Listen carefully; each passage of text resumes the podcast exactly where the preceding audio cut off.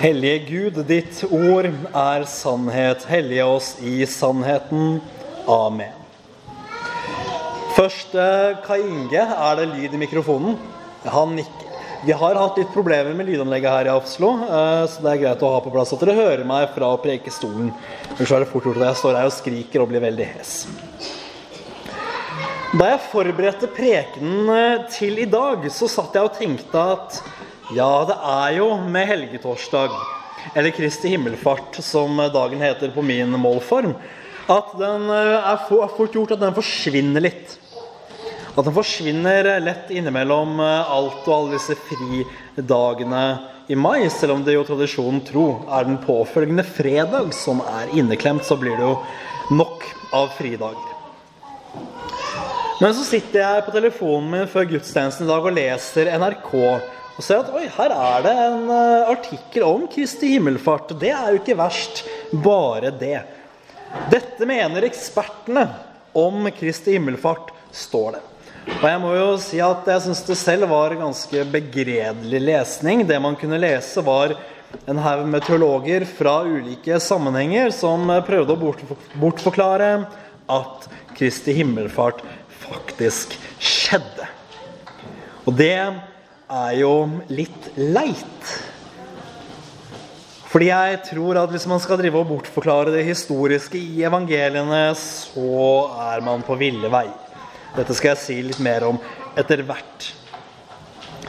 Det egentlige poenget mitt det er jo at det er mer ved Kristi himmelfart enn å skulle gi oss nok en langhelg i mai. Det som skjer nå, det er at Jesus han avslutter sitt jordiske virke. For i over 30 år har nå gudmennesket Jesus Kristus vært i verden. Han har levd et liv som menneske. Han har forkynt evangeliet om Guds rike og syndenes forlatelse i tre år.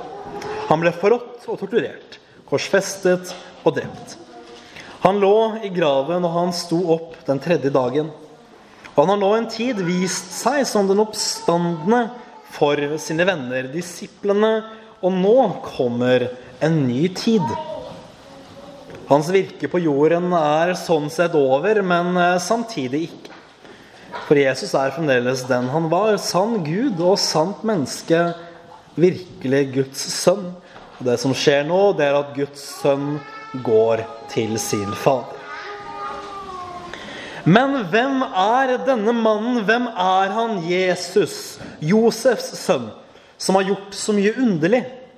Han med dette gode budskap som var og er et budskap helt gjennomsyret av godhet og kjærlighet, men som likevel var et budskap som verden ikke tålte.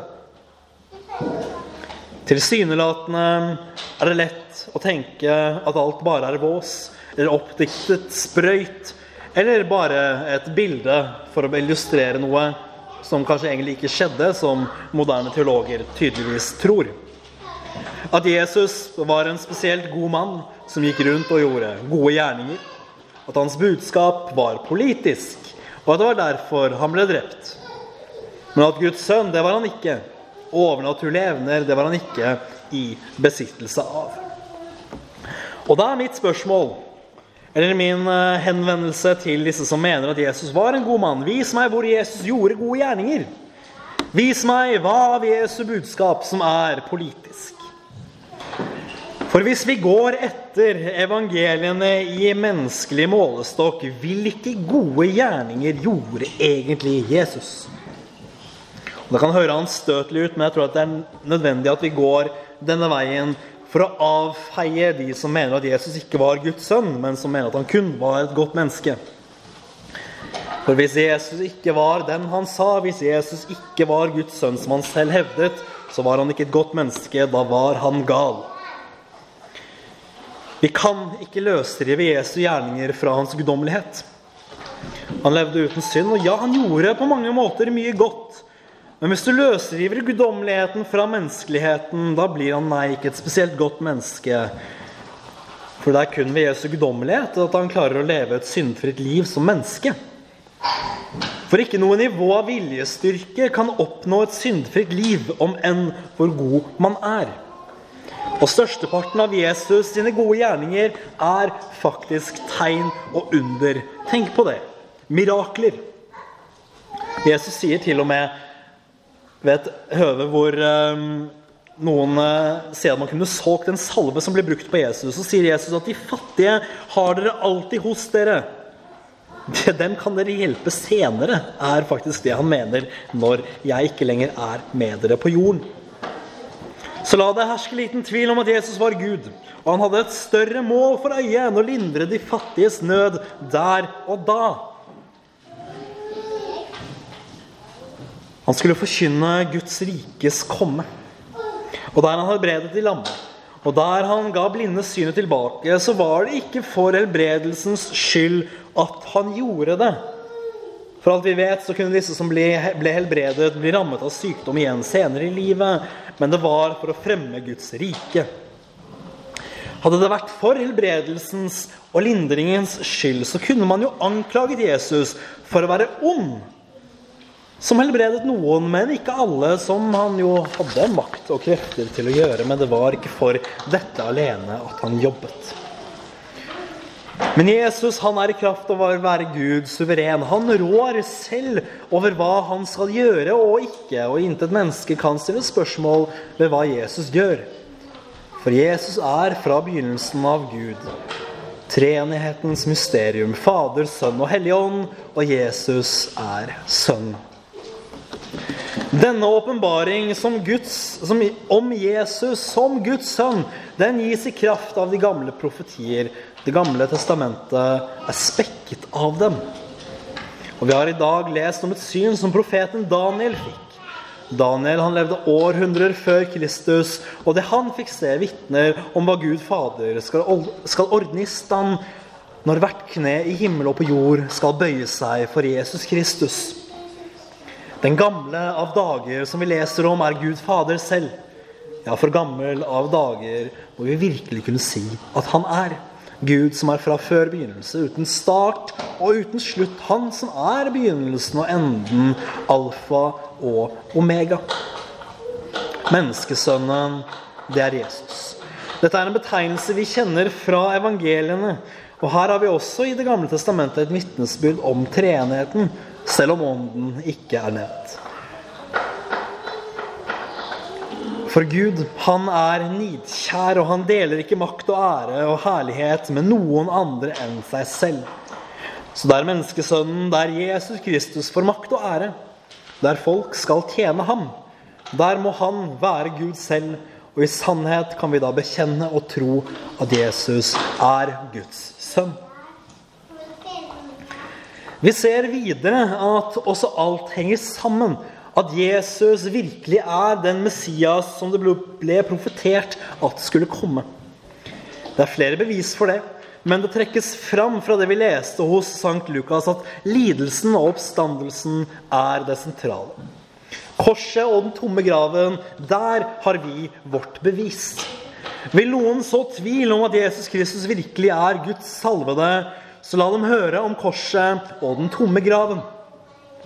Det er sterke vitnesbyrd som først og fremst henter sin styrke fra korsets nederlag, som vi vet at absolutt ikke er noe nederlag i det hele tatt. Fordi, som apostelen skriver, ordet om korset er dårskap. Det er tåpelig for de som ikke tror. At Jesus vant en seier på korset, er umulig å fatte for de som ikke har del i saligheten. Så dersom noen for 2000 år siden nå skulle diktet opp en ny guddom, så ville det nå sett ganske annerledes ut. Og det gir vår tro og vår bekjennelse kraft. At Gud viser sin herlighet, i styrke, herlighet og styrke i det, i det som tilsynelatende er lite herlig og svakt. Og tenk for en Gud som kan snu alt dette, som kan gjøre kors til seier og grav til liv. Jeg har alt sagt litt om Jesu budskap, og jeg vil holde fast ved at dette ikke var et politisk budskap.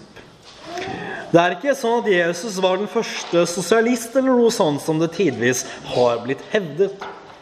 Jesu budskap var enkelt. Guds rike er nær. Venn om å tro evangeliet. Evangeliet, det er at Gud ikke tilregner lenger oss synd når vi vender om og tror på ham som Gud har sendt, Jesus Kristus. At hans offer på korset er nok for oss. Dette må vi holde fast ved, for det blir ofte glemt.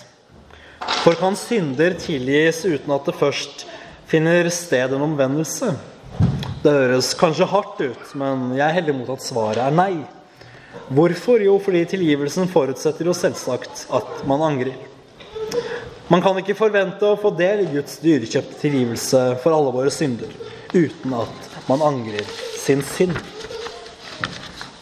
Men hvorfor fortviler vi av dette? Det undrer jeg meg ofte over, for det hender det at jeg møter. Det er som om en rest av det harde og gjenstridige hjertet lever i oss fremdeles. Og det gjør det jo, det vet vi, men tåpelige som vi mennesker tidvis er, så vil vi ha tilgivelse uten omvendelse. Vi vil tro at vi er frelst, og samtidig fortsette å leve i vår synd. Og gjør vi det, ja, da narrer vi oss selv. Vi ville også narret oss selv om vi trodde vi kunne bli frie for synd i dette livet. For det er jo ikke det det handler om. Men det handler om at Jesus har sonet straffen for vår synd. Og da står det på oss å vende om og tro på at dette offer er nok til å tilregne oss saligheten. Det er faktisk ikke verre enn det. Det er altså forkynnelsen av omvendelsen og syndenes forlatelse som er det sentrale. Det er dette Jesus byr disiplene sine forkynne, og de skal begynne i Jerusalem og spre seg ut over hele verden. Og så blir han tatt opp til himmelen. Og det er ganske nøkternt beskrevet, bare at det skjer. Ikke noe mer. Men så er dette det stadige poenget i Bibelen. Ikke å male med bred pensel hvor heftig det var at alt skjedde, men at det faktisk skjedde. Og denne enkle sannhet, at det faktisk skjedde, det er vi mer og mer nødt til å holde fast på i vår tid. Som jeg sa innledningsvis, stadig vekk kommer det stemmer og krefter, og enda oftere innad i kirka eller på de teologiske skoler fra professorer og de kloke hoder som prøver å fortelle oss at ting faktisk ikke skjedde. Nå nylig har dette selvsagt blitt et tema omkring himmelfarten. Og Jeg vil ikke bruke tid på å argumentere for at det faktisk skjedde, men jeg vil si det så enkelt som at som en kristen kirke så ligger det på oss å tro Bibelens vitnesbyrd. Det holder ikke vann å kalle seg en kristen og stille spørsmål ved det historiske faktum som evangeliene forteller om. Og himmelfarten er det sånn med at det er ikke det mest utrolige i evangeliene. Sier man at det blir for utrolig at det skjedde, ja, da er veien kort til å fornekte oppstandelsen også, og veldig mye annet. Og da beveger man seg i farlig terreng.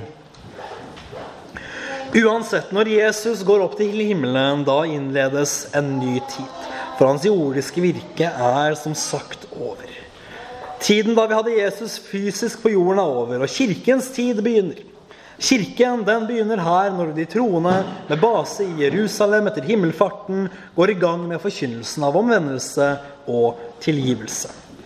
Det er ikke sånn at Jesus ikke lenger er virksom, for all del, det er han. Men han stiger nå opp til Faderens høyre hånd, hvor han skal komme igjen fra i herlighet.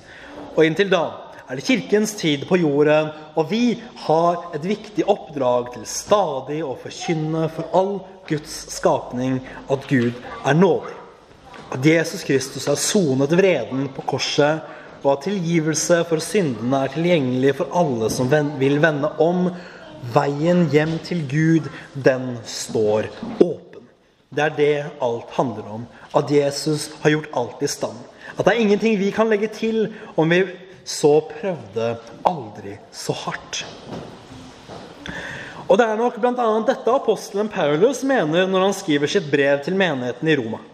For den rettferdighet som kommer av tro, det er den rettferdighet som skjønner og har grepet at Jesus sitt offer er nok. Den har gitt opp alle tanker om å selv hente Jesus ned fra himmelen eller opp fra dødsriket, fordi troen vet at Jesus gjorde alt som kunne bli gjort. Og troen vet at det er nok. Så hold fast ved dette at ordet er nær i munn og hjerte når du tror på Ham som Gud har sendt. For det er i hjertet at troen sitter, sier Paulus. Dette betyr ikke at vi må kjenne en god og varm følelse alltid i hjertene våre for å være frelst, som om vi var forelsket eller noe sånt. Det er ikke det det handler om. Det handler om at i hjertet sitter det dypeste, det vi vet og erkjenner i dypet av oss selv. For det er med hjertet vi tror, så vi blir rettferdige og dermed frelst. Og hjertets tro, det er denne at jeg ikke selv med noe av min fromhet og gode gjerninger kan legge noe til Jesu frelsesverk. At jeg vet at jeg er fortapt uten Jesus, samtidig at hans offer på korset er nok. Når jeg med hjertet stoler på at Jesus seier på korset er der min synd sones, da får jeg del i hans, i Jesu rettferdighet. Da er jeg frelst. Da er du frelst. Og la da din tro følges av bekjennelse, slik Paulus sier. For han avslutter med dette for å vise hvor viktig det er. Vi skal bekjenne, og at vi dermed blir frelst. Bekjennelsen er altså også en helt sentral del av frelsen. Kanskje blir det mye. Kanskje er det uoversiktlig. Men jeg tror det også er håndgripelig. I alle fall har jeg opplevd at det er det for meg selv. Og det letter alt sammen at Jesus faktisk ble menneske. For dette henger jo med oss Kristi himmelfart, at for å fare opp til himmelen må Jesus først ha vært her nede. Og det er godt og trygt å vite at Jesus har vært her. At Gud ble menneske. For da er han liksom ikke så fjern som han kunne vært. Men fremfor alt ha tiltro til dette. Jesus Kristus ble menneske for din skyld. Og ved hans blod er du vasket ren for alle dine synder. Ære være Faderen og Sønnen og Den hellige ånd, som var, er og blir en sann Gud fra evighet og til evighet. Amen.